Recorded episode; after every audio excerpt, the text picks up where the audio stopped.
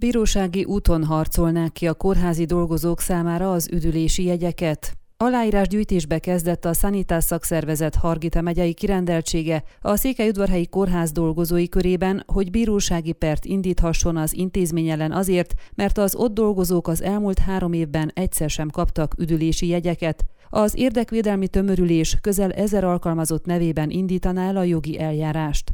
A Székelyudvarhelyi Városi Kórház alkalmazottai 2018-ban, 2019-ben és 2020-ban sem kaptak üdülési jegyeket, ezért az egészségügyben dolgozók érdekvédelmi tömörülésének a Hargita megyei szervezete pert indítana a kórház ellen. Ez ügyben már meg is kezdték az aláírás gyűjtést a szakszervezeti tagok körében, tudtuk meg Nyulas Emmától, a Sanitas Hargita megyei vezetőjétől. A kórház korábbi főigazgatójával ebben a kérdésben sose tudott dűlőre jutni a szakszervezet. Tavaly nyáron is volt egy bővített vezető tanácsi ülés, amelyen az üdülési jegyek kérdése is terítékre került, akkor abban maradtak, hogy a kórház vezetése meg kell vizsgálja, hogy egy célra miként tudnának pénzt elkülöníteni, és hogy egyáltalán lesz-e elegendő forrásuk erre, de végül sose volt elegendő pénz arra, hogy kiadják az üdülési jegyeket, vázolta az okokat Nyulas Emma. Szerinte a kórház korábbi igazgatója lényegében nem akart üdülési jegyeket biztosítani az intézményben dolgozóknak.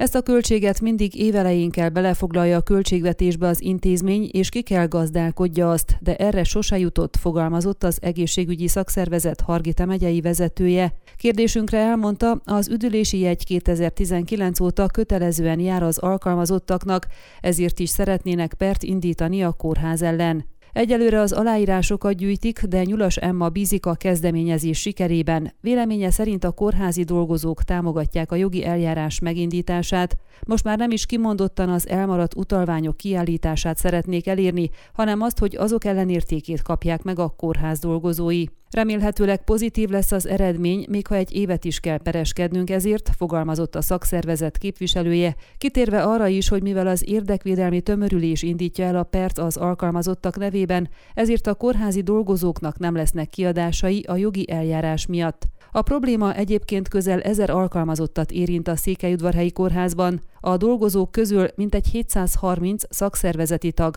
továbbá vannak még valamivel több mint 200-an, akik nem tagok. A szimpatizánsok szintén alá kell írják a támogatási ívet, ha azt szeretnék, hogy az ő nevükben is pereljen az érdekvédelmi tömörülés, mondta el a szervezet megyei vezetője. Az alkalmazottak száma alapján több mint 3 millió lej az összértéke a Székelyudvarhelyi Kórház által az elmúlt három évben ki nem adott üdülőjegyeknek. Ön a Székelyhon aktuális podcastjét hallgatta. Amennyiben nem akar lemaradni a régió életéről a jövőben sem, akkor iratkozzon fel a csatornára, vagy keresse podcast műsorainkat a székelyhon.pro portálon.